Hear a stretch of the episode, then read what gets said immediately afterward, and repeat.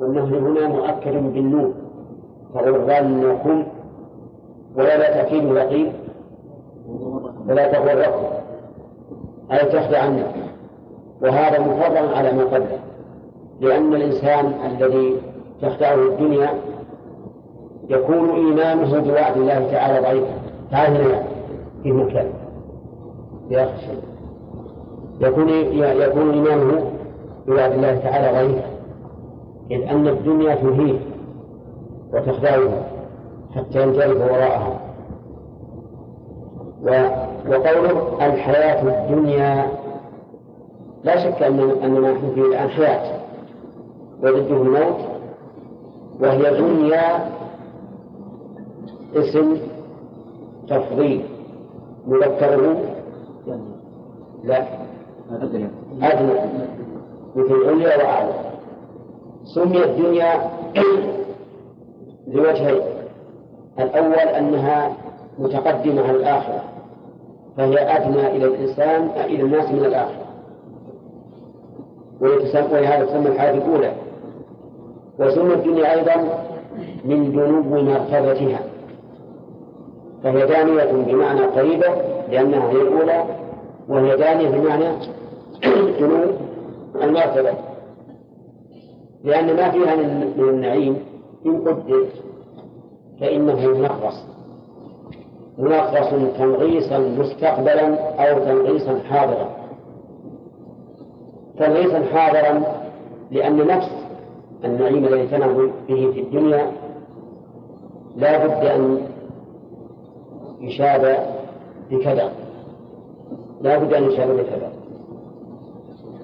كما قال الشاعر علينا ويوم لنا ويوم نساء ويوم نسب وهذا متى ولو وجدته كذلك كل يوم في الأسبوع ناظر نفسك. يوم تكون مستانس منبسط مسرور ويوم تغتم ويوم يجيك أشياء خارجية تفرقك يوم آخر بالعكس. ثم لو قدر أن صفوها خل من ذلك. يعني لم يشب بأذى فإن المستقبل ينقص عليك هذا الصفاء. كما قال الشاعر لا طيب للعيش ما دامت منغصة لذاته لاتكال الموت والهرم. فلا بد من أحد الأمرين إما موت عاجل وإما هرم مثل الإنسان إذا كبر إذا قدر أن الله تعالى مد له في العمر فإنه يرجع إلى إلى حاله الأولى. ومنكم من يرد إلى أرض العمر. يرجع إلى حاله الأولى يسقط تمييزه ويكون أشد من الصبي يعني كونه عالة على غيره أشد من كون الصبي عالة على غيره. لأن الصبي ما عنده عقل تمييز. غاية ما هنا يصيح. نعم. ودله بشيء يلعبه ويسكت. لكن هذا الهرم عنده شيء من التمييز تجري يشرح على أهله مثلا يشرح عليهم ويزعق عليهم ويصير ويقول كيف تنسون حالتي أنا هنا شاف وأكد عليكم وأجيبكم الطعام والشراب. ولم تنسون يفسقهم أكثر. نعم. ثم هو أيضا ثقيل الصبي يقدر واحد يحمل على يده ويمشيه يمين يسار حتى يسقط لكن هذا مشكل. لذلك إذا تذكر الإنسان أنه إما أن يموت أو يصل إلى هذا الحال. فمهما كان عيشه عيشه فسوف يتنقص. فسوف يتنقص. ولهذا نقول هذه الحياة دنيا. مأخوذة من من دنو الزمن ودنو المرتبة وقد طيب. الحياة الدنيا ثلاث عروض. في الحياة الدنيا عن الإيمان عن الإيمان بذلك. أي بوعد الله. وما أكثر الذين غفلوا عن وعد الله. وما أكثر الذين اعتمدوا على الأسباب الظاهرة. فنسوا الأسباب التي وراءها. كثير من الناس يقول آه، ولا ينصرن الله من ينصره. كيف إن, إن الله ينصر المسلمين وهم هذه القلة على أعدائهم الكفار وهم بهذه الكثرة؟ وبهذه القوة. كيف هذا يكون؟ فيعتمد على الحياة الدنيا وعلى الأسباب المادية دون ما وراءها. والواجب علينا أن نؤمن بوعد الله. والله تعالى وعد أن ينصر من ينصره. وعد الله الذين آمنوا منكم وعملوا الصالحات ليستخلفنهم في الأرض كما استخلف الذين من قبلهم. يقول قائل كيف إن لا يستخلفني في الأرض وعندنا الروس وعندنا الأمريكان وعندنا الإنجليز وغيرهم من الأمم القوية كثيرة شلون هذا؟ وش الجواب على ذلك؟ الجواب إن وعد الله حق فلا تغرنكم الحياة الدنيا لا تغرك الدنيا حتى في النصر أسباب النصر ليست هي المادة فقط بل هناك شيء وراءها وهو قوة العزيز عز وجل. إن الله لقوي عزيز. نعم. طيب فلا تغرنكم الدنيا ولا يغرنكم بالله في حلمه وإنهاره الغرور الشيطان. يعني لا يخدعكم أيضا من وصفه الخداع. ولهذا جاءت وصف الغرور. وغرور فعول صفة مشبهة لأن غروره كان وصفا لازما له لزوم الوجوب والغرور غير الغرور بالظن. الغرور بالظن مصدر. والغرور صفة مشبهة دالة على المعنى والمقام به معنى. الغرور إذن هو الشيطان. أي الشياطين الإنس ولا الجن؟ كلهم. نعم. كلهم جميع. من من من شياطين الجن من يغر وهو معروف. هو الشيطان الذي يلقي في قلبك ما يختاره ومن شياطين الإنس أيضا من يغر وهم جلساء جلساء السوء الذين يأتون الإنسان فيدخلون فيه كما يدخل الماء في المدر أو النار في الفحم. ما يدري يدخلون دخول بحيث يكون كالنائم أو كالميت بين يدي الرأس. فالله عز وجل حذرنا من هؤلاء. ولا يغرنكم بالله الغرور. طيب بالله. قال المؤلف في حلمه وإنهاره. صحيح. إن الإنسان قد يغفر بالله في حلمه وإنهاره. فيقول لنفسه لو كنت على خطأ لعاقبني الله. وما دام الله عز وجل يرزقني ويعافيني فهذا دليل على أني على حق. لكن هذا من الأماني الأماني الباطلة التي حذر عنها رسول الله صلى الله عليه وسلم. فقال الكيس من دان نفسه وعمل لما بعد الموت والعاجز من أتبع نفسه وهواها وتمنى على الله الأمان. وهذا الحديث وإن كان فيه ما فيه من حيث الصحة لكن معناه صحيح بلا شك. فإن الكيس الحازم هو الذي يعمل لما بعد الموت. قال إيه نعم. ولا يغرنكم بالله الغرور أي لا يخدعنكم بالله في حلمه وإمهاله وغير ذلك مما يتعلق بأفعاله وأحكامه. لا يغرنكم بالله الغرور أي الخادع وهو الشيطان.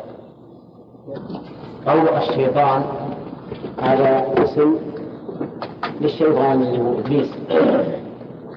وهو مشتق من شاق يشيط إذا غضب أو من شطن يشطر إذا برد والوصفان ثابتان للشيطان لأنه عنده طيش عنده طيش وسوء تصرف كالغرفان.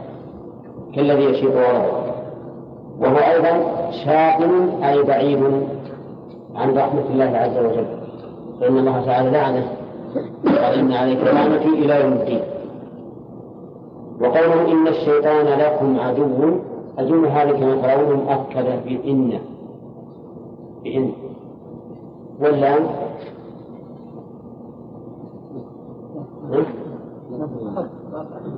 واللام ولا لا؟ لكم هذا جاء مفهوم وين متروك طيب. لكم عدو ولم يقل إن الشيطان عدوكم لثبوت هذه العداوة. لكم عدو. ولهذا أتى بالجملة الاسمية المكونة من مبتدأ وخبر. فعدو مبتدأ مؤخر ولكم خبر مقدم. تقديم الخبر هنا يفيد الحصر. يعني كأنه ليس عدوا إلا لكم. كأنه قال ليس عدوا إلا لكم. ومعلوم أن من انحصرت عداوته في شخص فإنه يجب عليه أن يحتمل منه أكثر وأكثر. وقوله عدو على وزن فعول فهي صفة مشبهة. والعدو ضد الولي. فإذا كان الولي هو الناصر المتولي لأمرك المعتني به فالعدو هو الخادم الذي لا يهمه أمر لا يهمه أمرك فالشيطان عدو. يقول عز وجل فاتخذوه عدوا. لما أكد أنه عدو لنا رتب على ذلك قال فاتخذوه عدوا.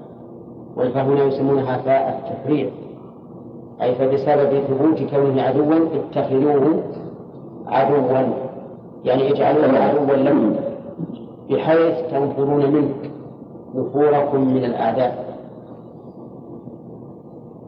فإذا قال قائل ما الذي يدلنا على عداوته؟ أو كيف نتخذه عدوا؟ الجواب أن نتخذه عدوا بكراهته وبغضه. وبعدم الانصياع لأمره ووسوسته.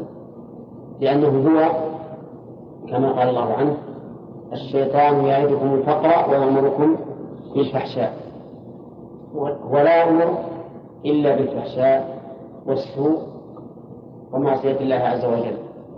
فإذا أحسست من نفسك أنك تهوى معصية فاعلم أن هذا من إبلاء إبليس من إبلاء الشيطان. فيجب عليك أن تنفر من هذا لأن هذا صادر من عدو لك. لا يريد إلا إضرارك وخذلانك. ولهذا قال الله تعالى إنما يدعو حزبه ليكون من أصحاب السعيد قال المؤلف فاتخذوه عدوا بطاعة الله ولا تطيعوه. يعني أطيعوا الله ولا تطيعوا الشيطان. وأنتم إذا أطعتم الله فإن هذا أعظم سلاح يغيظ هذا هذا الشيطان اللي هو عدو لك فإذا أطعت الله عز وجل فإنك بذلك تغيظ الشيطان وتدحره وتذله كما أنك تذل أولياءه أيضا وتغيظه قال الله عز وجل محمد رسول الله والذين معه أشداء على الكفار رحمه بينهم. تراهم ركعا سجدا يبتغون فضلا من الله ورضوانه إلى أن قال ليغير بهم الكفار. فهؤلاء القوم بصفتهم المذكورة يغيظون الكفار. والكفار أولياء الشيطان. وإذا كانوا يغيظون الكفار فإنهم يغيظون أيضا الشيطان. فأعظم شيء أعظم شيء لإغاظة الشيطان هو أن تكون بطاعة الله عز وجل. يروى أن الشيطان يقول عن بني آدم أهلكتهم بالذنوب وأهلكوني بلا إله إلا الله والاستغفار فالتوحيد وسؤال المغفرة لا شك أنه يغيظ الشيطان. يقول عز وجل إنما يدعو حزبه أتباعه في الكفر ليكونوا من أصحاب السعير النار الشديدة. إنما يدعو إنما أداة حصر تفيد إثبات الحكم المذكور ونفيه عما سواه. يعني ما يدعو حزبه إلا لهذا الأمر. لأن يكونوا من أصحاب السعير. واللام في قوله يكون من أصحاب السعير اللام هذه للعاقل يعني يدعو حزبه للشر والفحشاء لأجل أن يكونوا من أصحاب السعير وقول المؤلف حزبه أتباعه في الكفر قد يقال إن فيه قصورا لأن حزب الشيطان الحزب المطلق لا شك أنهم كفار. لكن من عصى الله عز وجل ولو لم يكن كافرا في معصية من المعاصي فله من حزبية الشيطان بقدر ما عصى الله. لكن الحزب المطلق هم الكفار. قال ليكونوا من أصحاب السعير يعني من أصحاب النار. والسعير هو النار الشديدة وإنما يدعوهم لذلك لأنه لما غوي والعياذ بالله وتكبر عن طاعة الله قال ربي بما أغويتني لأقعدن لهم صراطك المستقيم. قال فبما أغويتني لأزينن لهم في الأرض ولأغوينهم أجمعين. لما خذوا والعياذ بالله وقود وصار غاويا حرص على أن يكون له أتباع في غيهم. وهذا أمر مشاهد. أهل الحق يودون أن يكون لهم أتباع وأهل الباطل يودون أن يكون لهم أتباع في الباطل. فالشيطان والعياذ بالله لما كان من أصحاب النار أحب أن يكون الناس أي بني آدم يكون الناس كلهم من أصحاب النار. هؤلاء الذرية ذرية آدم ولا لا؟ وشقاء إبليس إنما كان لترك السجود لآدم. فلا جرم أن يدرك ذريته وأن يحاول بكل ما يستطيع إغواءهم حتى يكونوا أصحاب النار. ثم قال تعالى الذين كفروا لهم عذاب شديد. مبتدا الذين كفروا مبتدا. خبره جملة لهم عذاب شديد. والعذاب العقوبة وأتى بالجملة الإسمية لتحقق لثبوت هذا هذا العذاب واستمراره. لأن الكافرين مخلدون في نار جهنم والشديد بمعنى القوي وأما غيرهم قال والذين آمنوا وعملوا الصالحات لهم مغفرة وأجر كبير. الذين آمنوا الإيمان محله القلب. أي صدقوا بما يجب الإيمان به مع مع القبول والإذعان الإيمان ليس مجرد تصديق. بل هو تصديق مقرون بقبول وإذعان قبول بما آمن به وإذعان يقتضيه هذا الإيمان. أما مجرد التصديق فليس إيمانا. ولو شئتم لضربنا مثلا بأبي طالب فإن أبا طالب كان مصدقا للنبي صلى الله عليه وسلم ولكنه لم يقبل ولم يذعن فلم ينفعه هذا التصديق. الذين آمنوا أي صدقوا بما يجب الإيمان به تصديقا مستلزما لإيش؟ للقبول والإذعان وأما قوله وعملوا الصالحات فلا بد من العمل الصالح. لا بد من العمل الصالح حتى يتم الإيمان ويتحقق ويتبين. العمل الصالح قال العلماء هو الذي كان خالصا صوابا. خالصا لمن؟ لله. صوابا في موافقة شريعة الله. موافقة شريعة الله. وهذا التعريف يعم هذه الأمة وغيرها. فما كان خالصا لله موافقا لشريعته فهو صالح. وما لم يكن كذلك فهو فاسد فلو فقد الإخلاص من العمل لم يكن صالحا.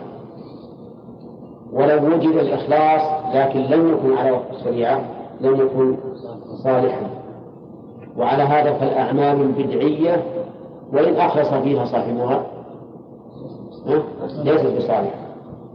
والأعمال الشرعية إذا شاركها الرياء وإرادة الخلق لم تكن صالحة.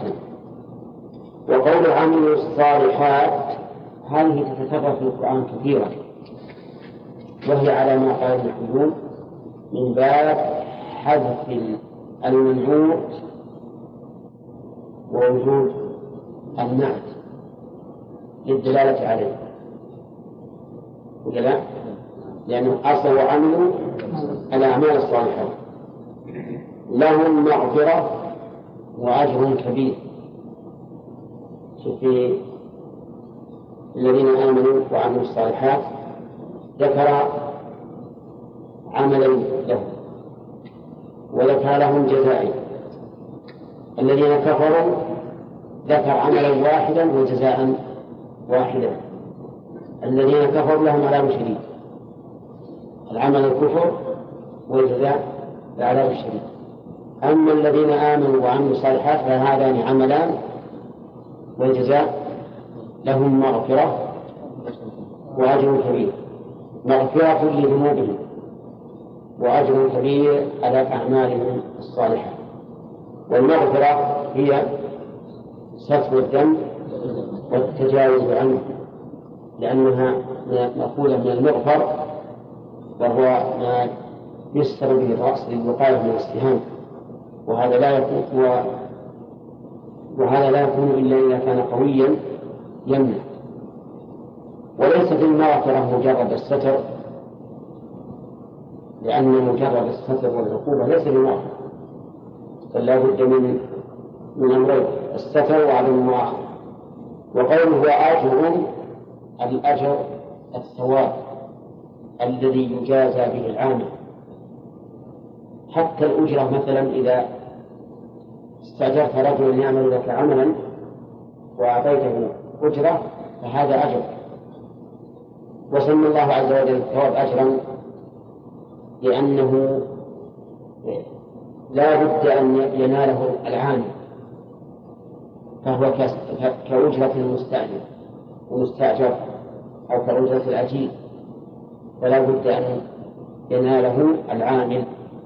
وهذا كقوله تعالى من ذا الذي يقرض الله قرضا حسنا فسمى العمل لله قرضا لأن القرض يجب إيفاؤه ومثل هذه الآيات تدل على أن الله عز وجل أوجب على نفسه تمثيل العامل.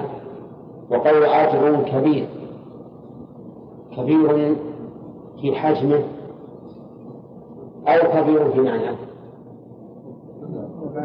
الجميع. لأن الإنسان في الجنة ينظر إلى أدناه أوجد من ينظر إلى ملكه مسيرة ألف عام. ينظر أقصاه كما ينظر أدناه. وهذا لا شك أنه كبير واسع. وكذلك في المعنى. لأنه دائم وثابت. طيب. قال هذا بيان بيان ما لموافق الشيطان وما لمخالفيه موافق الشيطان من هم؟ الذين كفروا. ومخالفوه الذين آمنوا وعملوا الصالحات. إذا يجب علينا أن نتخذ الشيطان عدوا بالإيمان والعمل الصالح. قال المؤلف ونزل في أبي جهل وغيره أفمن زين له سوء عمله إلى آخره؟ أبو جهل كان يسمى في الجاهلية أبا الحكم. أبا الحكم يعني أنه ذو حكمة وعقل وهوية لكنه سمي في الإسلام أبا جهل لأن أعظم الجهل أن يبقى على كفره ولا يؤمن بالله. نزل أفمن زين له سوء عمله فرآه حسنا. أفمن الهمزة هنا للاستفهام.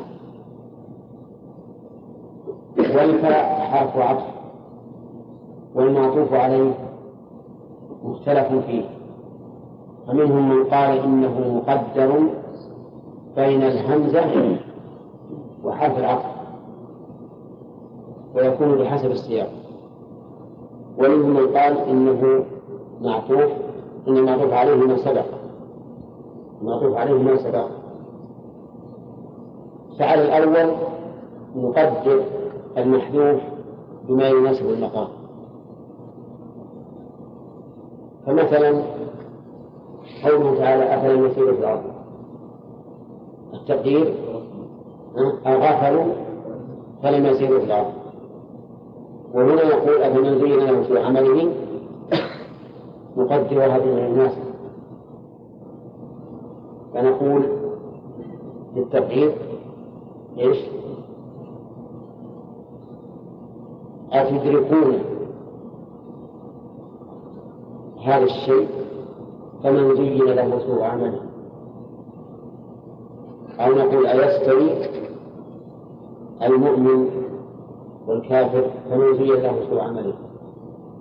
ولكن القول الثاني في المسألة أنه معطوف على ما سبق أحسن. لماذا؟ لأن الأصل عدم التقديم.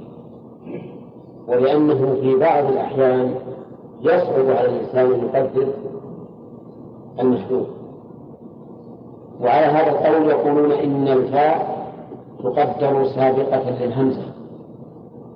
قدر سابقة للهمزة. قصدي إن الفاء يعني حرف العطف. يقدر سابقا للهمزة. يكون فيه تقديم وتأخير والتقدير والتقدير على هذا فأمن زين له سوء فأمن زين له سوء وقوله زين له سوء عمله من المزين؟ ذكر الله عز وجل أن المزين الشيطان. وذكر أن المزين هو الله. إن الذين لا يؤمنون بالآخرة زينا لهم أعمالهم وهم يعمهون. وقال تعالى وزين لهم الشيطان أعمالهم فصدهم عن السبيل وفي بعض الآيات يكون المزين مبهما كما في هذه الآية وكما في قوله زين للناس الشهوات من النساء والبنين إلى آخره. فالمزين الله والمزين الشيطان. فإذا قلت كيف تجمع بين هذا وهذا؟ فالجواب أن المزين المباشر هو الشيطان. أما الله عز وجل فهو مزين بالتقدير يعني هو الذي قدر على الشيطان أن يزين له له. ومعلوم أن الله تعالى خالق الشيطان. وما نتج من أعماله فهو مضاف إلى الله. كما نقول للإنسان إنه مخلوق لله وما نتج من أعماله فهو مخلوق لله عز وجل. فيكون تزيين الله تعالى بحسب التقدير. يعني هو الذي قدر أن يزين الشيطان لهم أعمالهم. وقوله زين له سوء عمله. عمل هو مضاف مفرد مضاف يشمل كل الأعمال. سواء كان الشرك أو العدوان على الغير أو سوء السلوك وفساد الأخلاق أو غير ذلك. المهم أنه شامل لكل الأعمال. وقال المؤلف بالتنويه وش معنى بالتنويه؟ أنه ينوه على الناس أن أن هذا العمل الذي يقوم به عمل حسن. فرآه حسنا. فرآه حسنا. فرآه أي رأى سوء عمله حسنا. وهذا أشد ما يكون. أن يكون الإنسان على خطأ ويرى أنه على صواب. لأن مثل هذا لا يكاد يبعد عن غيره. حيث إنه يعتبره صوابا. ومن ذلك مثلا أصحاب الحيل. المخادعين المخادعون. فالمنافق مثلا زين له سوء عمله لأنه يرى أنه ذكي. إذا لقوا الذين آمنوا قالوا آمنا وإذا خلوا إلى شياطينهم قالوا إنا معكم. وهذا من سوء العمل. المتحيلون على الربا بأنواع الحيل. هؤلاء أيضا زين لهم سوء أعمالهم. ولهذا لا تكاد تجد تجدهم يقنعون عما هم عليه لأنه قد زين ذلك في نفوسهم فلا يقنعون عنه. المهم أن هذا له أمثلة كثيرة بقي علينا أن نقول من مبتدع. فأين خبره؟ قال المؤلف رحمه الله تعالى من مبتدأ خبره كمن هداه الله. بعده؟ لا لا طيب لا فصل نعم. أفمن زين له سوء عمله؟ يعني كمن لم يزين له سوء عمله ورأى سوء عمله سيئا. لأن الذي زين له سوء عمله سيستمر عليه والذي رآه سيئا سوف يتجنبه. وهذا هو ما يقول المؤلف كمن هداه الله. ومثل هذا التعبير يأتي في القرآن كثيرا كما في قوله تعالى أمن هو قانت آناء الليل ساجدا وقائما يحذر الآخرة وآخرة من قبل قل هل يستوي الذين يعلمون فالخبر محذوف أي كمن ليس كذلك. يقول لا. إيش معنى لا؟ يعني ليس هذا كهذا. بل بينهما فرق. فإن من زين له سوء عمله سيبقى على ضلاله ومن لم يزين له سوء عمله ورآه سيئا فسيتجنبه ولا ولا ولا يقع فيه. قال المؤلف دل عليه فإن الله يضل من يشاء على المستوى دل عليه بالصلاة والسبب سألت عن كلمة بالسبب طيب. إن الله يضل من يشاء ويهدي من يشاء. وعلى هذا فالفاء هنا ليست واقعة في خبر المبتدأ الخبر المبتدأ محذوف لكنها عطف على ذلك الخبر.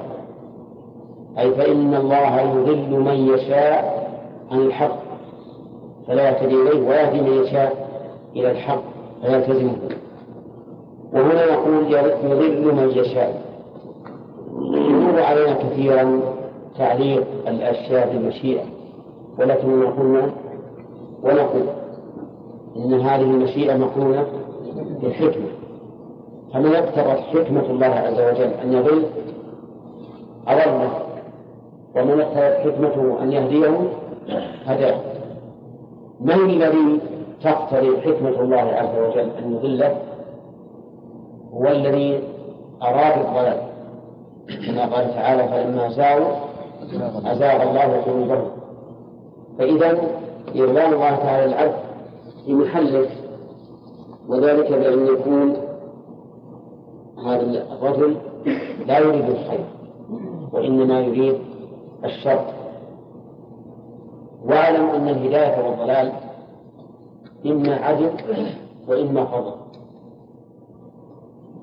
الضلال عدل لأنه جوزي بحسب ما أراد. لما أراد الضلال والعياذ بالله وزاغ قلبه أزيل وأما الهداية فإنها فضل. فضل من الله عز وجل. يتفضل بها على من شاء من عباده. ولهذا نقول لو قال قائل كيف يجعل الله تعالى هذا مهتديا وهذا ضالا؟ أليس هذا ظلما؟ الجواب لا. لأن منع الهداية من هذا الضال إنما هو بمقتضى عدله. أما هداية المهتدي فهو بفضله. فنقول إن إن منعك ما هو لك فقد ظلمك.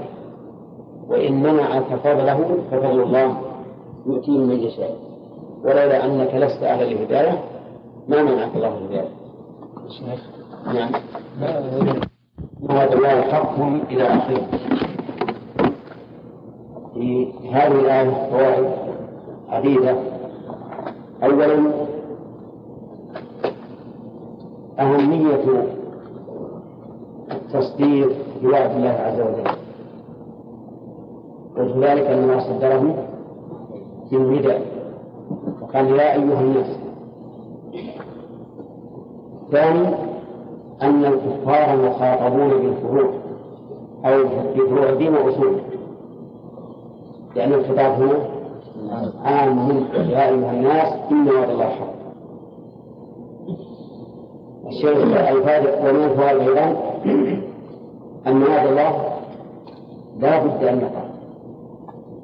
لأنه خبر من صادق قادر وقول إن وعد الله حق أي صدق في حال الخبر عنه واقع في حال إيقاعه فوائدها هنا أن أن ما وعد الله به فهو حق لا بد أن يقع. ومن فوائدها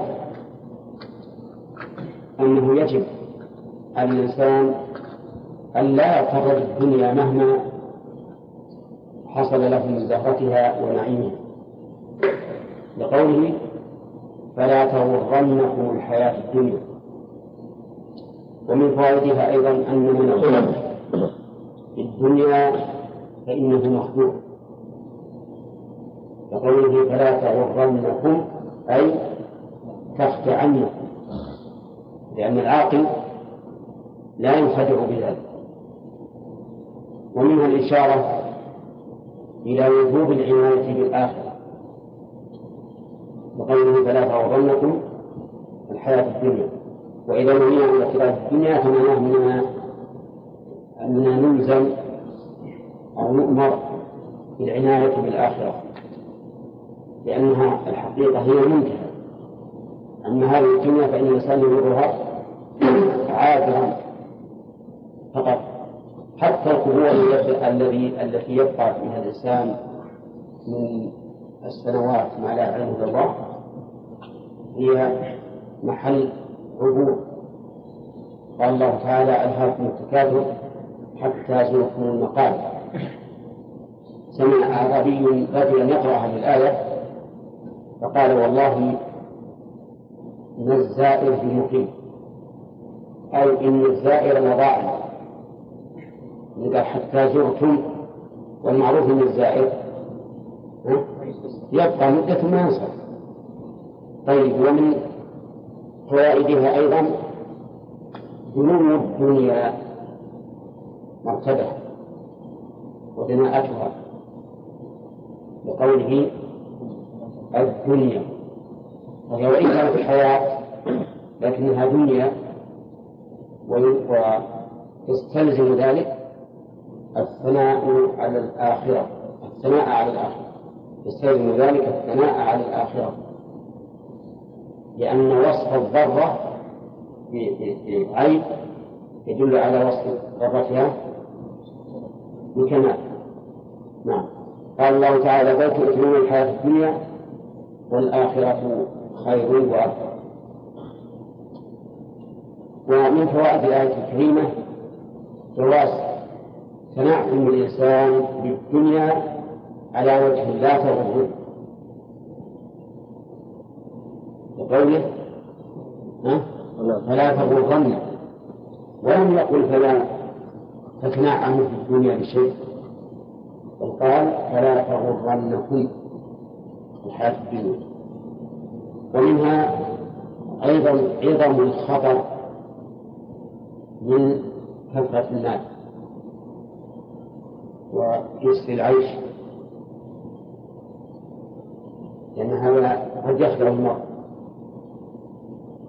قال النبي عليه الصلاة والسلام والله ما الفقر أخشى عليكم وإنما أخشى أن تفتح عليكم الدنيا فتنافسوها كما تنافسهم كما تنافسوها إذا كنتم أهلكم طيب.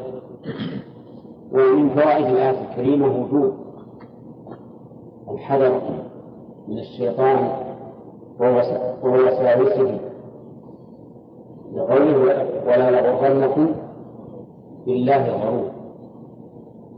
وسواء كان الشيطان انسيا أم جنيا. لأن الشيطان الإنسي يغر الإنسان كما يغر الشيطان الجن. ومن فوائد الآية الكريمة الحذر الشديد من هذا الذي يغرنا من الشياطين الإنس والجن لأنه وصفه بقوله الغرور والغرور كما قلنا إما صفة مشبهة وإما صيغة مبالغة والمسلم غلط ما قلنا انه مصدر الغرور نعم. طيب. ثم قال تعالى إن الشيطان لكم عدو فاتخذوه عدوا إلى آخره. من فوائد الآية الكريمة إثبات الشيطان. وقوله إن الشيطان لكم عدو. ومنها إثبات عداوته المؤكدة للإنسان وقوله إن الشيطان لكم عدو. ومنها ومنها أهمية إيماننا بذلك. وجه تكبير تكبير الاعتبار ولا لا. عدو. لا. الشيطان لكم عدو. لك وش وجه أنه أهمية؟ علمنا بأنه عدو. لا ما في هم إن على التوكيد وجه ذلك نأكد هذه يمكن من بالله لكم لا لا. لا مهم مهم لكن وجه كونه لما أكد صار فيه أهمية علمنا بذلك. إذا أكد أن إذا أكد أن إذا أكد أن الشيطان لنا عدو. إذا نقدر نأكد لا. قلت بالمرتبة لا لا ما لا ما هذا ما هذا ندعي على هو الأمر. طيب نحن ذكاء مر علينا في البلاغة؟ أن الخطاب الخبري هو الخطاب الذي يلقى إلى المخاطب بدون توكيد. هنا ما مر علينا هذا البلاغة أن أن الخطاب الخبري هو الذي يلقى إلى المخاطب بغير توكيد وأنه لا يؤكد في مقام الخطاب الخبري إلا لسبب. أما الخطاب الخبري إذا ألقي إلى إنسان خالي الذهن إذا ألقي إلى إنسان خالي الذهن فإنه لا يؤكد. لا داعي للتوكيد ما التوكيد ليس فيه إلا زيادة إلا زيادة. كلمات لا فائدة منها. لكن إذا كان الأمر ذا أهمية فإنه يؤكد. يؤكد ولو كان الإنسان خالي الذهن عرفتم؟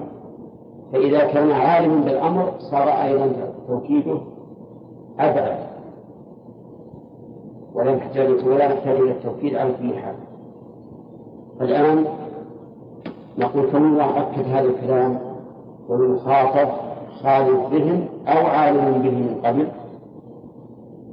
يدل على أهمية الإيمان بهذا الأمر الذي عليه الشيطان وهو أنه لنا عدو. وقد قالوا أي علماء البلاغة إن الخبر إذا ألقي إلى عالم به مؤكدا كان ذلك من أجل أن هذا المخاطب نزل منزلة المنكر بكونه لم يقل بما يقتضيه هذا الخطاب. ومثل ذلك بقوله تعالى ثم إنكم بعد ذلك لميتون كل يعلم أننا سنموت. لكن لماذا أكد لنا الموت ونحن نعلم فيه ونتأكد منه لأن فعلنا فعل المنكر للموت حيث أننا لا نصدق ولا نعمل لما بعد الموت.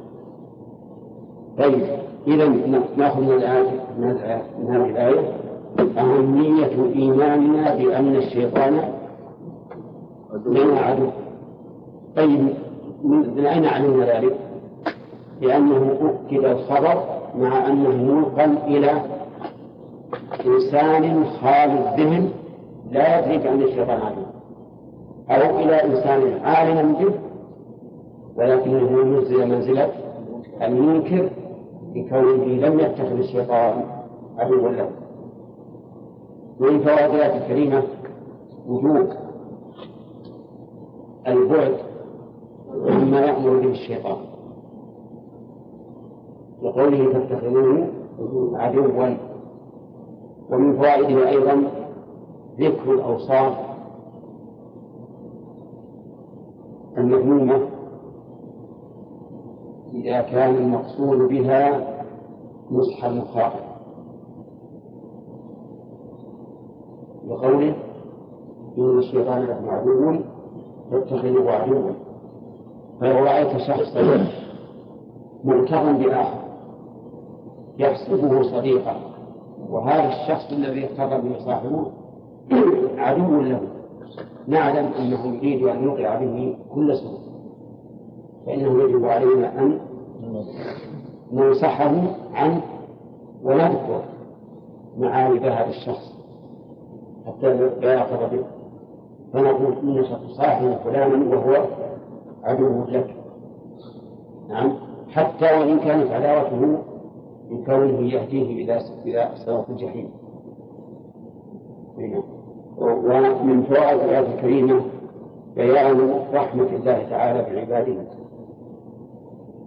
لأن العلم بعداوة الشيطان غير مدرك له. ولكن تعالى هو الذي أخبرنا به. ثم حسن بل أمرنا بمخالفته لقوله فاتخذوه عدوا. ومن فوائد الآية الكريمة أن الشيطان له في بني آدم إرادات سيئة. لكن ما فيها دليل على أن الناس يكون ما ولا يخلف فيها فلا في أصحابها؟ نقول ممكن. فإن الشيطان يريد من الناس أن يبلغوا الذروة في المخالفة وإذا بلغوا في المخالفة وكفروا حينئذ يكونون من أصحاب النار الذين يخلدون فيها أما المعاصي التي دون ذلك فإن فإن أصحابها وإن دخلوا النار كما دلت عليهم النصوص لا يكونون من أصحابها. ثم قال تعالى الذين كفروا لهم عذاب شديد إلى آخره. لكن تنمية قد قلنا أنها من يدخل النار كلها من أصحابها لأن قلنا حتى المؤمنين اللي عندهم معاصي. لا هي كانت حزب. إيه. ومن الحزب حزب الشيطان. قد يكون حزبا له في شيء من الشيء. وهذا قد يكون وقد لا يكون لكن الشيطان يريد من هذا من كل من يدعوه أن يكون من اصحاب النار قال الذين كفروا لهم عذاب شديد. وفي هذه الآية إثبات الثواب والعقاب. وقول الذين كفروا لهم عذاب شديد والذين آمنوا وعملوا الصالحات لهم مغفرة وأجر كبير. ومن فوائدها بلاغة القرآن حيث يجمع بين الشيء وضده وهو مصداق قوله تعالى الله نزل أحسن الحديث كتابا متشابها مثالا قال العلم بمعنى قول مثال أنه تكون فيه المعاني وهنا لما ذكر عذاب الكافرين ذكر ثواب المؤمنين. ومن فوائد الآية الكريمة بلاغة القرآن من وجه آخر حيث بدأ بذكر عذاب الكافرين. بعد أن ذكر أن الشيطان لكم عدو واتخذوه عدوا إنما تحبه ليكون من أصحاب السنة فبدأ بما فيه التحذير قبل ما فيه التبشير من أجل المناسبة ومن فوائد الآية الكريمة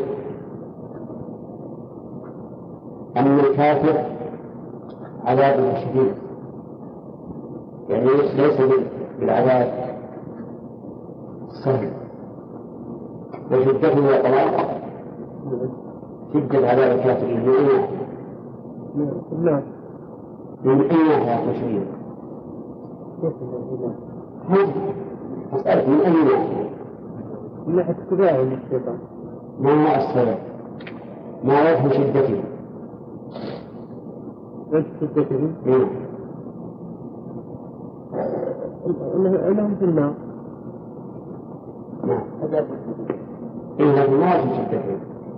هل هو بكيفيته أو بكميته؟ بالكمية والكيفية لأنه دائم ولأنه عذاب لا لا نهي له. ومن فوائد الآية الكريمة أن الأجر لا يثبت إلا باتصاف الفاعل بوصفين أحدهما الإيمان والثاني العمل الصالح. ومنها من فوائد تقسيم الأعمال إلى صالح وفاسد وخير قوله وعملوا الصالحات. وما هو الضابط؟ قلنا فيما سبق أن الضابط أن ما كان خالصا صوابا فهو صالح وما كان فيه شرك أو بدعة فليس بصالح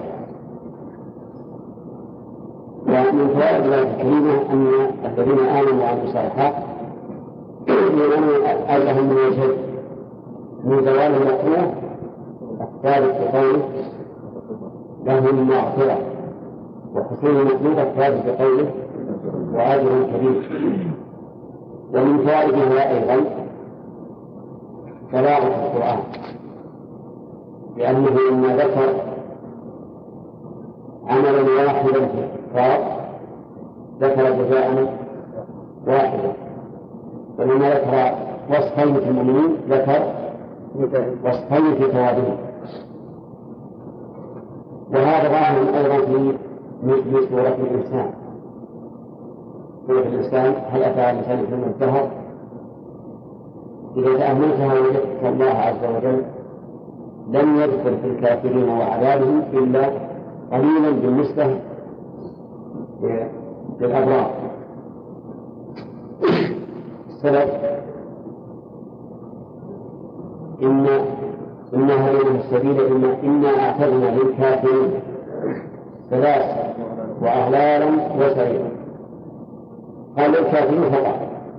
لم يكن من أعمالهم فكان الجزاء مختصر. سلاسل وأغلال وسعيرا وذكر الأبرار وأطال في ذكر في ذكر ما من النعيم لأنه ذكر عدة أعمال من أعماله. من الأبرار يسألون من كسب عن عبادها كافورا عين يشرب بها عباد الله الأبرار عباد الله يوفون بالنذر ويخافون أن يتمسهم سفيرا ويؤتون الطعام على حبه مسكينا ويتيما واسيرا انما نطعمكم لوجه الله الإخلاص كان لا نريد منكم جزاء ولا شكورا إنا نخاف من ربنا يوما عبوسا قمطريا نعم. بتردد أوصاف من أوصافهم فأطال في ذكر جزائهم لما أطال في أعمالهم أطال في الجزاء بخلاف الكافرين. وهذا بلا شك من البيان من بلاغة القرآن. ومن فوائد الآية الكريمة أن الأجور تختلف. لقوله وأجر كبير. باختلاف أي شيء؟ تختلف باختلاف العمل. وتختلف باختلاف العامل. وإذا كانت متعدية فإنها تختلف باختلاف من انتفع بها. فمثلا تختلف باختلاف العمل أفضل الأعمال الصلاة على وقتها. الواجب أفضل من المستحب. باختلاف العامل مر علينا الصدقة ما كان عند الغريب. وقال النبي عليه الصلاة والسلام لا تسبوا أصحابي. والذي يؤتي بيده لو أنفق أحدكم مثل أخيه ذهبا ما بلغ مثل أحدهم. ولا نصيب هذا اختلاف إيش؟ باختلاف العام. تختلف أيضا باختلاف المحل. إذا كانت متعدية. فالصدقة على القريب صدقة وسيلة والصدقة على من هو أشد حاجة أفضل من الصدقة عن من دونه وهكذا. اختلاف الأعمال يستلزم اختلاف الأجور أيضا. تختلف أيضا وجه الرابع باختلاف الإخلاص. كيف؟ كيف؟ باختلاف الإخلاص. يعني أنه كل ما كان الإنسان في عمله أخلص كان عمله أفضل. ويمكن أن نقول أيضا تختلف باختلاف الاتباع. بخلاف الاتباع. وكلما كانت العبادة أتبع لله برسول الله كانت أكمل. وعلى كل حال فالاختلافات هذه في وجوهها يختلف من الوجوه قال الله تعالى أفمن زين له سوء عمله فرآه حسنا. مرة القلب فإن الله يؤمن من يشاء ويؤمن من يشاء. تقدم أن أن هذه الآية ويؤمن يشاء أن هذه المشيئة تابعة للحكمة. فمن اقتضى الله فمن اقتضت حكمة الله أن يضله أضله وهو الذي لا يريد الخير. وقوله فلما زاغوا أزاغ الله قلوبهم وقوله ويهدي من يشاء يهدي من يشاء. أن يراد به هداية التوفيق وربما نقول هداية التوفيق والدلالة ولكن الأهم هداية التوفيق. ولعل هذا هو المراد هنا. لأن الذين أضلهم الله قد هداهم الله هداية الدلالة كما قال تعالى والله يدعو إلى دار السلام. وهذا عام. ولكن الهداية قال ويهدي من يشاء إلى صراط مستقيم. فما كل مدعو يهتدي. وقوله فلا تذهب نفسك عليهم حسرات هذا نهي عما كان ولا عما لم يكن. الظاهر أنه نهي عما كان وأن الرسول عليه الصلاة والسلام كان يتحسر على هؤلاء المكذبين الذين كانوا يكذبونه. والنهي عن الشيء قد يكون نهيا عما كان وقد يكون نهيا عما لم يكن. فقوله للنبي عليه الصلاة والسلام فلا تدعوا مع الله إلها آخر فتكونوا من المعذبين وأنذر عشيرتك الأقربين هذا نهي عما عما لم يكن. من عما كان؟ فلا تدعوا مع الله إلها آخر فتكونوا من المعذبين وأنذر عشيرتك الأقربين لم عما لم يكن. صح. لأن الرسول ما دعا كذا طيب. ولا تقتلوا أنفسكم. لم يكن عما كان كان ولم يكن هل هل هل اللي قتل نفسه ممكن يقتل نفسه؟ يعني إذا قتل نفسه إذا ما قتل نفسه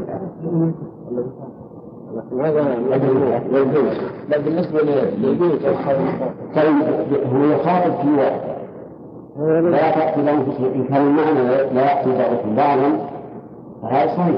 منهم أما لم يكن وأما كان لكن إذا كان نهي أن يقتل الإنسان نفسه هذا طبعا لا يمكن أن يقتل نفسه إلا وهو موجود.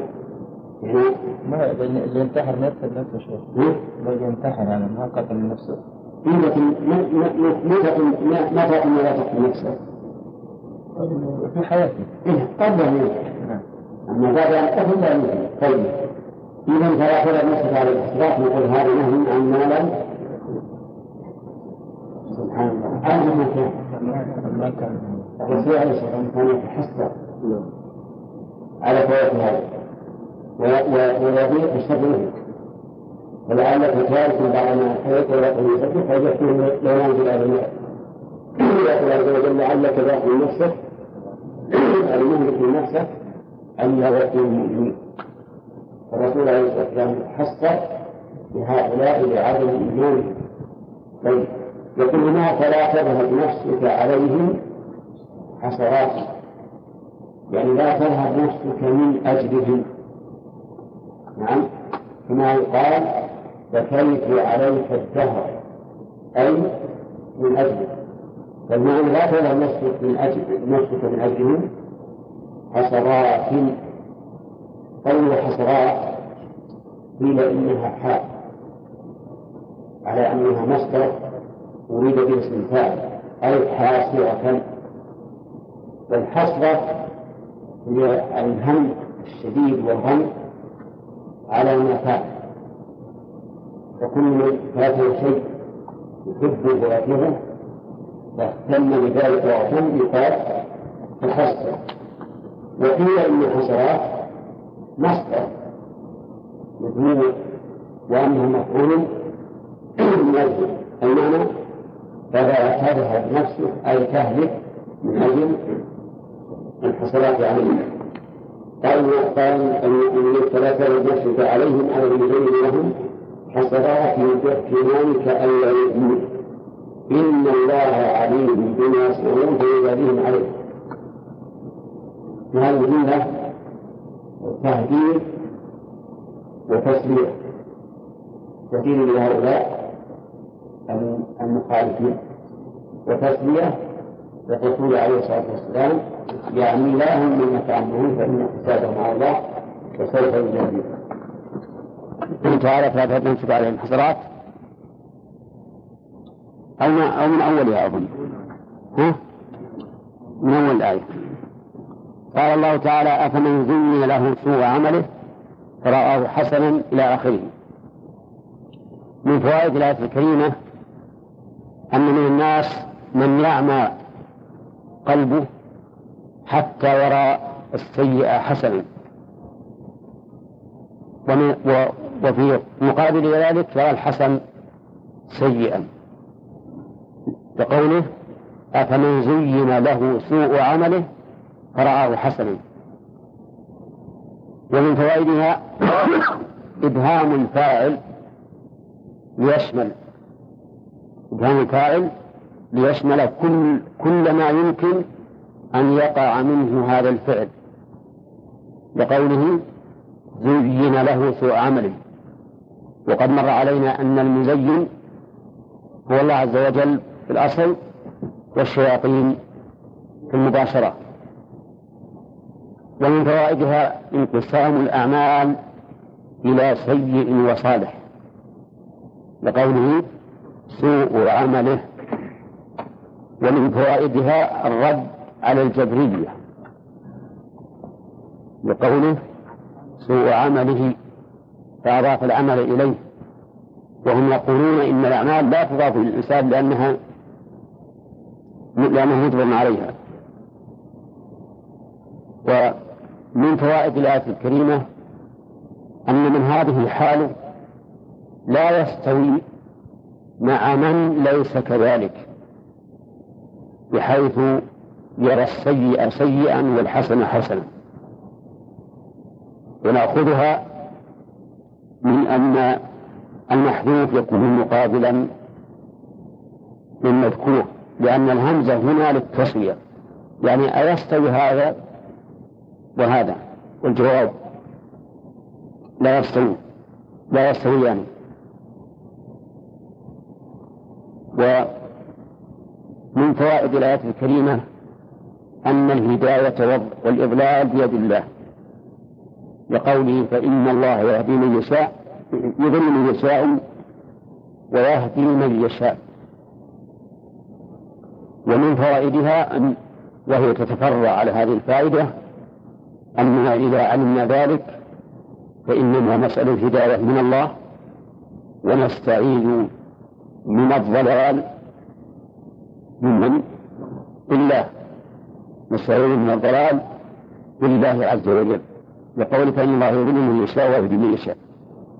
ومن فوائدها إثبات مشيئة الله عز وجل لقوله من يشاء ولكنه مر علينا أن كل فعل علقه الله بمشيئته فإنه مقرون بالحكمة ودليل ذلك قوله تعالى وما تشاءون إلا أن يشاء الله إن الله كان عليما حكيما. ومن فوائدها الرد على القدرية. بقوله يضل من يشاء ويهدي من يشاء. فإن القدرية يقولون إن أفعال العبد من ضلالة أو هداية لا تتعلق بها مشيئة الله.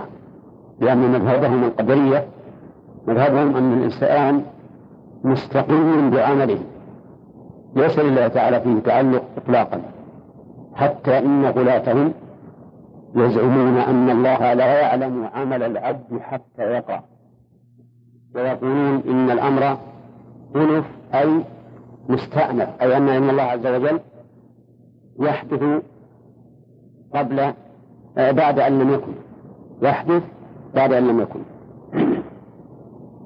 ومن فوائد الآية الكريمة أن رسول الله صلى الله عليه وسلم وعز من أرسله كان يحزن حزنا عظيما. تكاد تذهب نفسه من شدته. لقوله فلا تذهب نفسك عليهم حسرات. وجه ذلك أن الأصل في المنهي عنه أن الأصل في النهي أن يكون عما وقع. الأصل في النهي أن يكون عما وقع وقد يكون عما لم يقع وهو كثير أيضا. ويدل على أن هذا أمر واقع. قوله تعالى لعلك باخع نفسك ألا يكونوا مؤمنين. ومن فوائدها شفقة النبي صلى الله عليه وسلم على أمته. ومن فوائدها أيضا أن الرسول عليه الصلاة والسلام لا يحزن لعدم إيمانهم أو طاعتهم لمصلحته هو ولكن لمصلحتهم لقوله فلا تذهب نفسك عليهم عليهم. حسرات. ومنها أن النبي صلى الله عليه وسلم بشر يتأثر بما يتأثر به البشر من أسباب الفرح وأسباب الحزن. وهذا أمر واقع. وقد دخل النبي عليه الصلاة والسلام على عائشة ذات يوم مستبشرا تبرق أسارير وجهه. فسألته عن ذلك فقال ألم تري إلى مجزز المدلجي دخل على أسامة بن زيد وزيد بن حارثة وهما يعني متغطيان برداء. قد ظهرت أقدامهما فقال إن هذه الأقدام بعضها من بعض. ففرح عليه الصلاة والسلام حتى ظهر ذلك على وجهه. فالأعراض البشرية تطرأ على النبي صلى الله عليه وسلم كغيره من البشر من الفرح والحزن والغم والاستبشار والنسيان وعدم العلم وغير ذلك.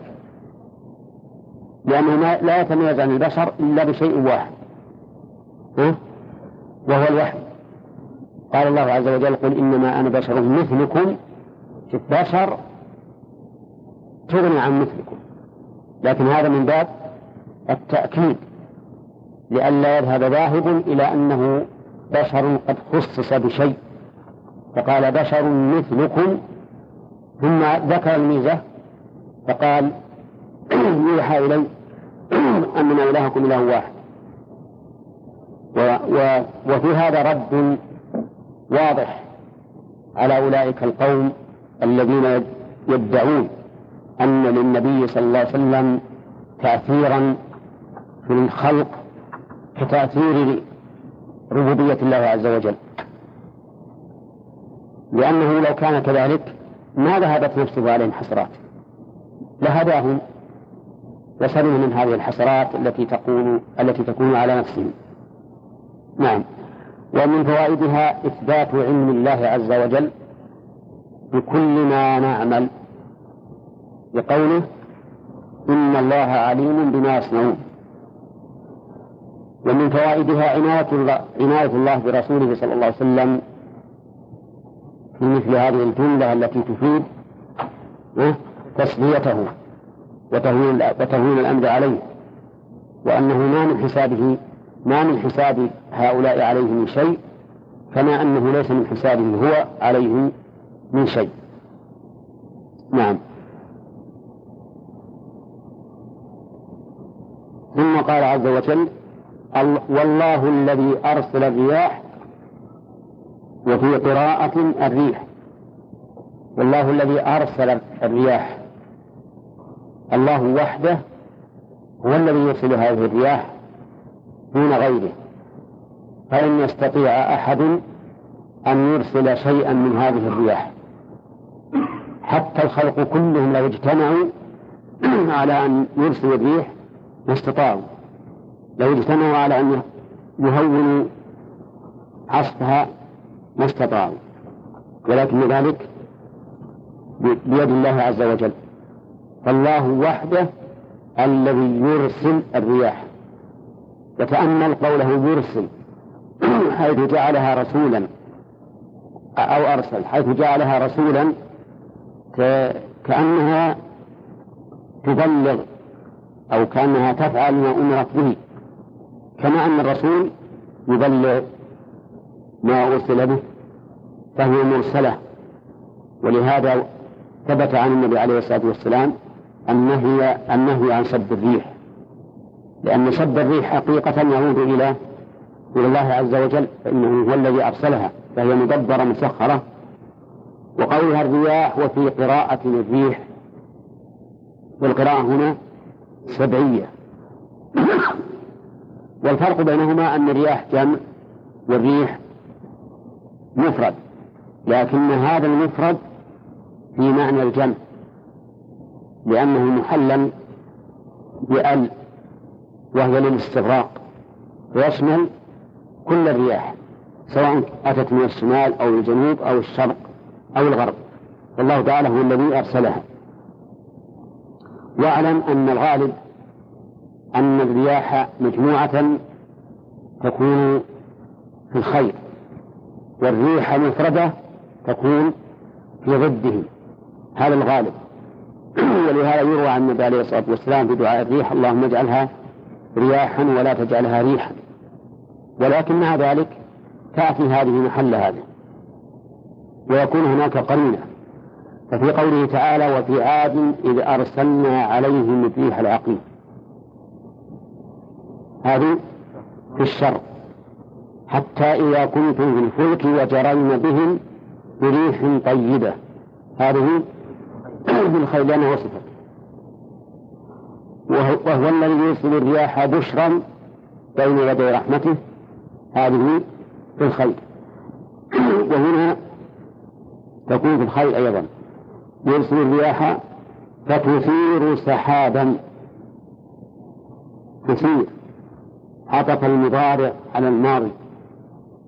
وكان مقتضى النسق أن يعطف على الماضي ماضيا مثله. ويقول والله الذي أرسل الرياح فأثارت. لكن لماذا عدل عن الماضي المضارع؟ بينه المؤلف قال رحمه الله المضارع لحكاية الحال الماضية. يعني عبر المضارع عن الماضي حكاية للحال حين إرسالها لأنه أبلغ في التصور. كأنها الآن أمامك كأنها الآن أمامك تثير هذه السحاب هذه السحاب. وهذا أبلغ في تصور الإنسان لأنه يستحضر الحالة الماضية كأنها الآن. لأن المضارع كما نعرف جميعا يصلح للحال وللاستقبال ولكنه قد يقترن به ما يعينه للحال ويقترن به ما يعينه للاستقبال ويقترن به ما يعينه للماضي. إنما الأصل فيه أنه للحاضر والمستقبل ولا يكون الماضي إلا بقرينة. فعليه نقول عدل عن التعبير بالماضي هنا لحكاية الحال الماضية حتى كأنك تشاهدها الآن وهي تثير هذا السحاب. وقال المؤلف في معنى تثير أي تزعج. وهذا معنى قد يناقش فيه لأن الإزعاج أخص من الإثارة. وإنما الإثارة بمعنى الإنهاض إنهاض الشيء. كما يقال أثرت البعير أي أنهضته حتى صار قائما بعد أن كان باركا؟ نعم. وقول تثير سحابا كأن هذا السحاب كأن هذا السحاب في الأصل في الأرض. ثم أثارته هذه الرياح. ومعلوم أن السحاب يكون من من بخار البحر ويكون أحيانا من الجو المتلبد بالرطوبة حسب ما تقتضيه حدود الله عز وجل وهذا أمر يرجع إلى معرفة العلوم الطبيعية. وقوله فتثير سحابا السحاب هو هذا الغيم المعروف حينئذ سحب الرجال كما تشاهدونه فلذلك سمي سحابا لانسحابه في الجو. فتثير سحابا فسقناه فيه التفات عن الغيبة.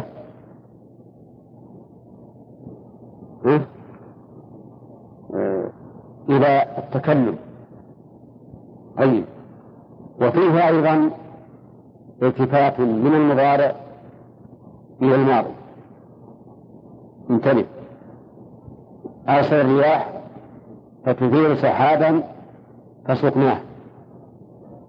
عدل عن المضارع إلى الماضي لاختلاف الفاعل في الفعلين بأن تثير الفاعل فيها الرياح وسقناها الفاعل فيها الله.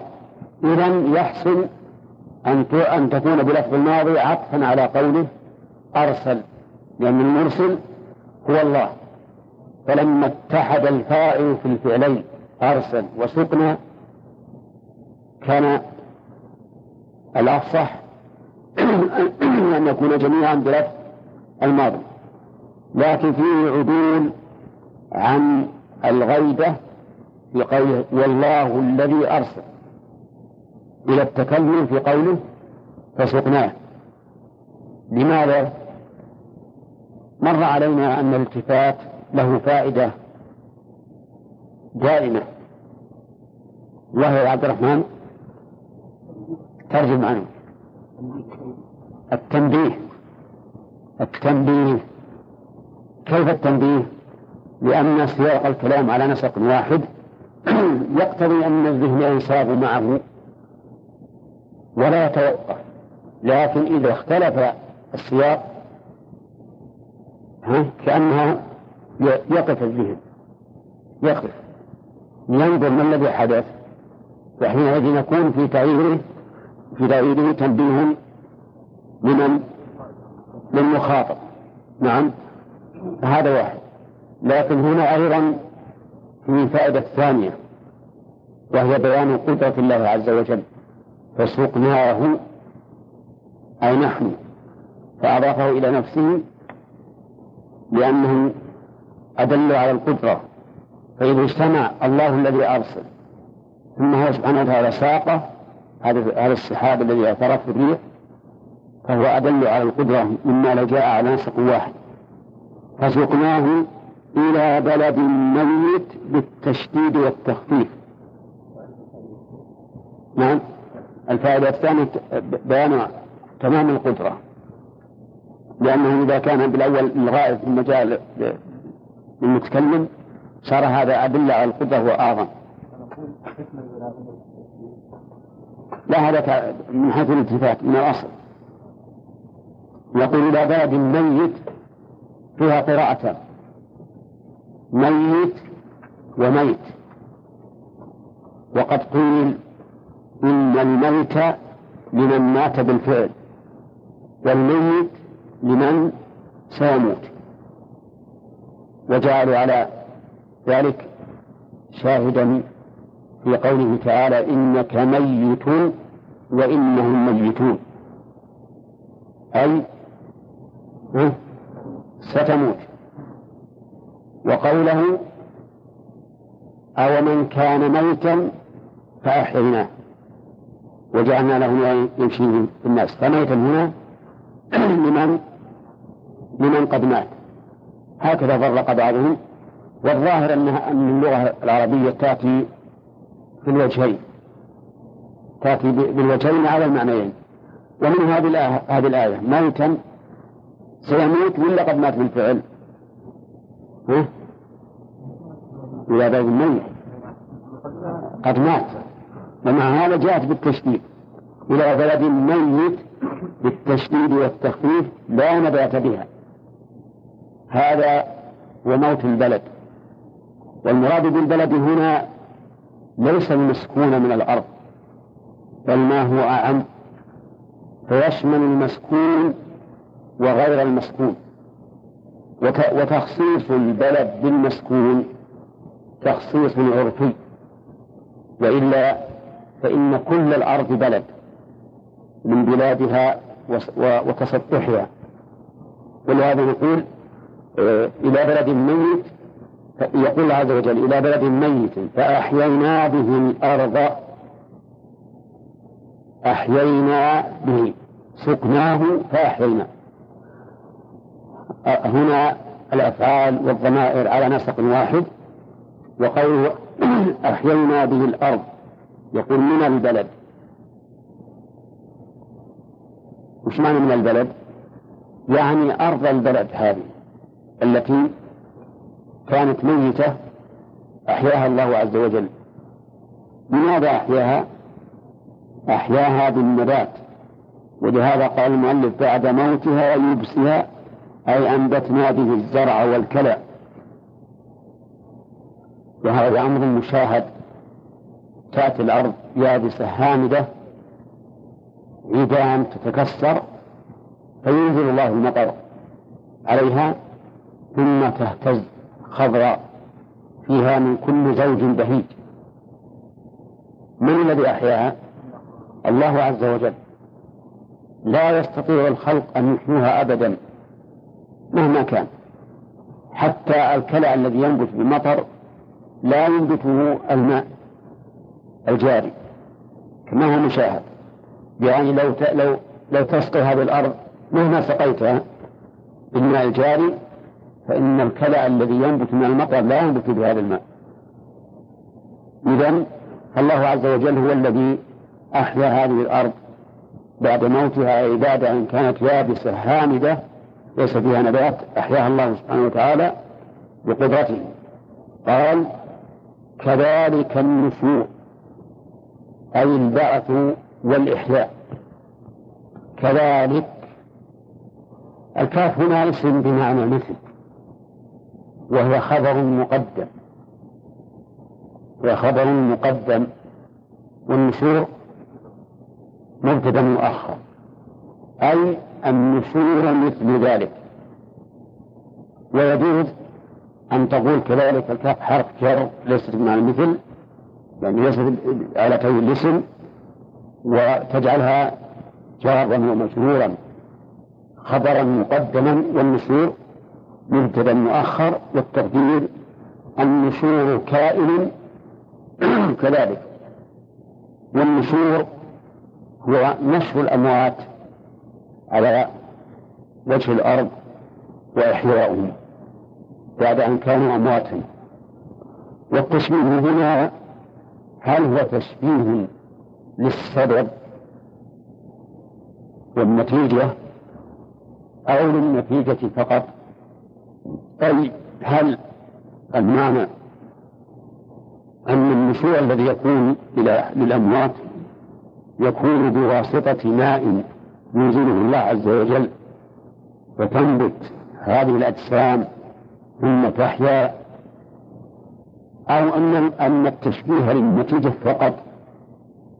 أي أن إحياء الموتى كإحياء الأرض بقطع المضر عن السبب نعم. الأول. الأول لأنه ورد عن النبي عليه الصلاة والسلام أن الله تعالى يرسل على الأرض مطرا من تحت العرش. مطرا غليظا.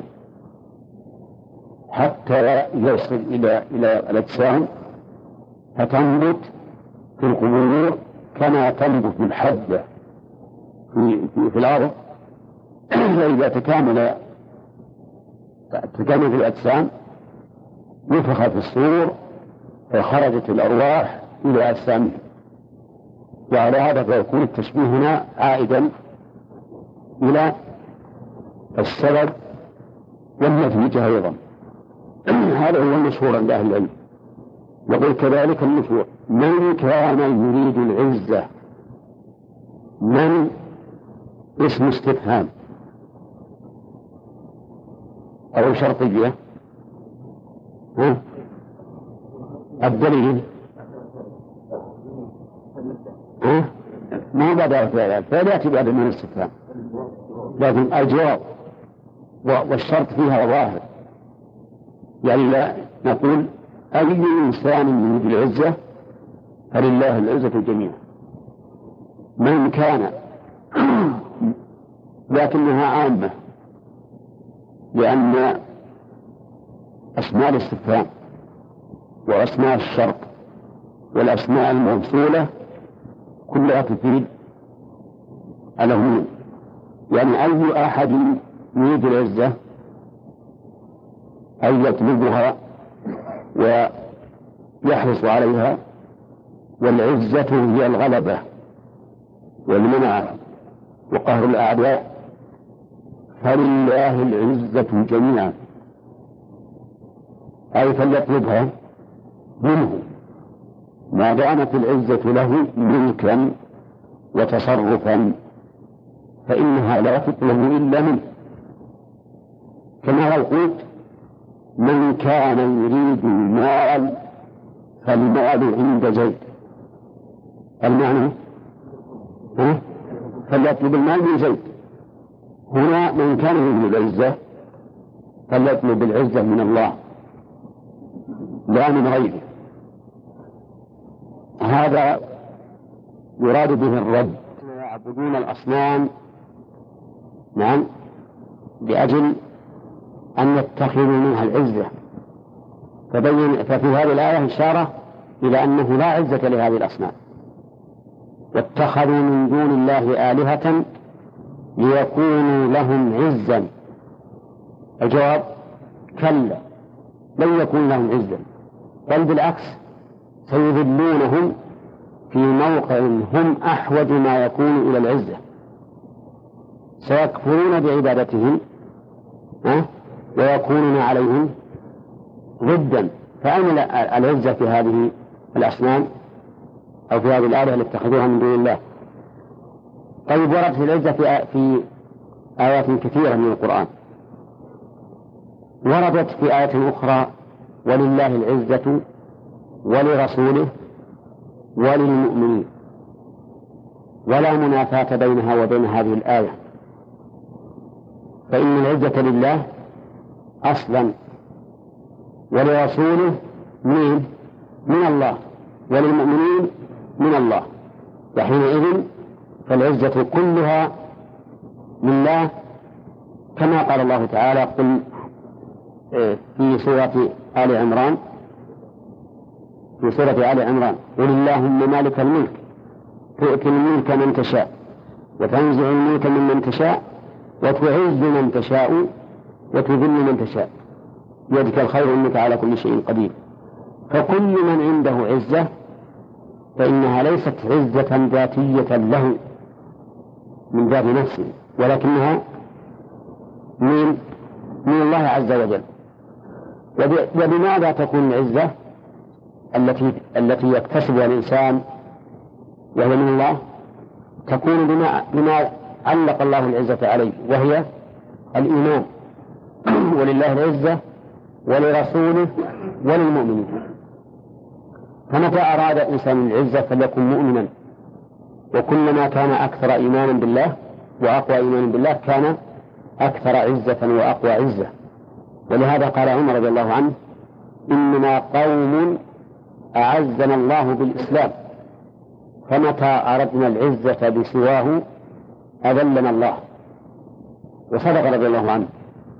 العرب لما كانوا عربا ليس عندهم إسلام ماذا كانوا؟ كانوا أذلة.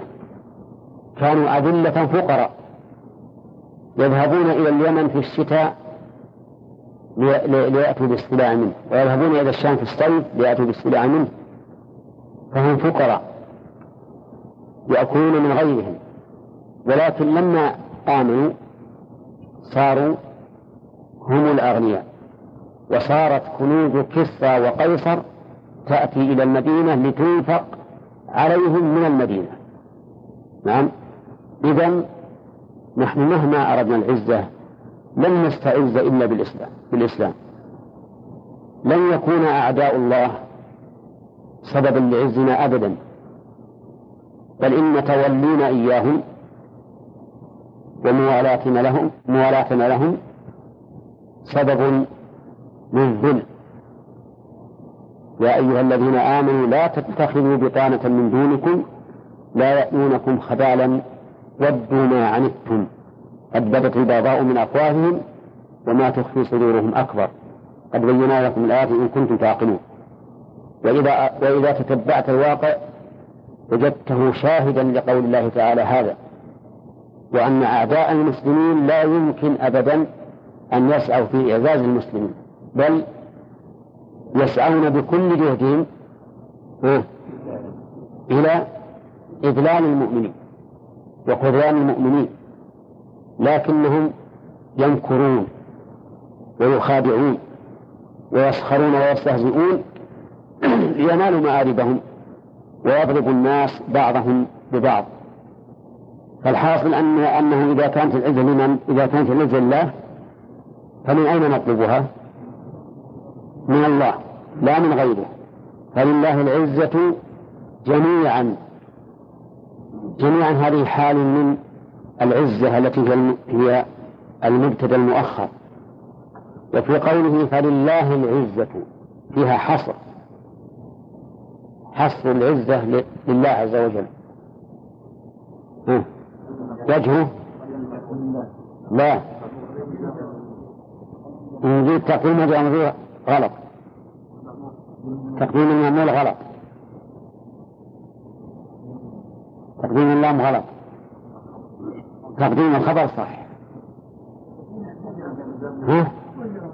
لا قد يكون جاء مفعول غير خبر.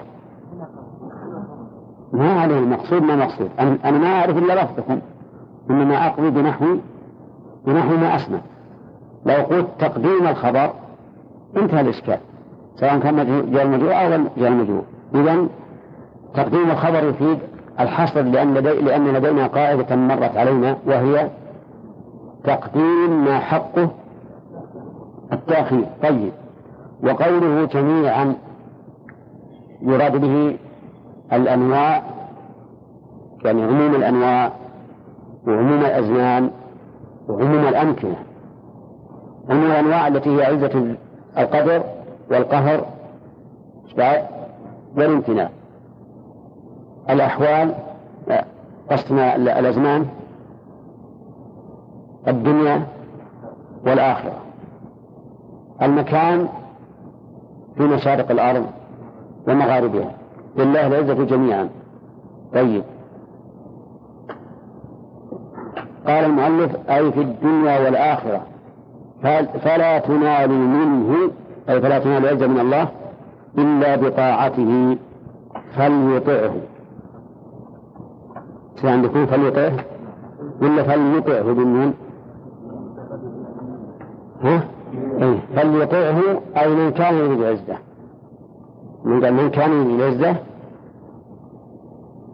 طيب. أفاد المؤلف أن جواب الشرط محذوف وهو قوله فليطعه فليطعه ولكن الصواب أن التقدير فليطلبها من الله. من كان يريد العزة فلله العزة جميعا فليطلبها منه. ويشمل الطلب بلسان الحال وبلسان المقال. عرفت؟ أما على رأي المؤلف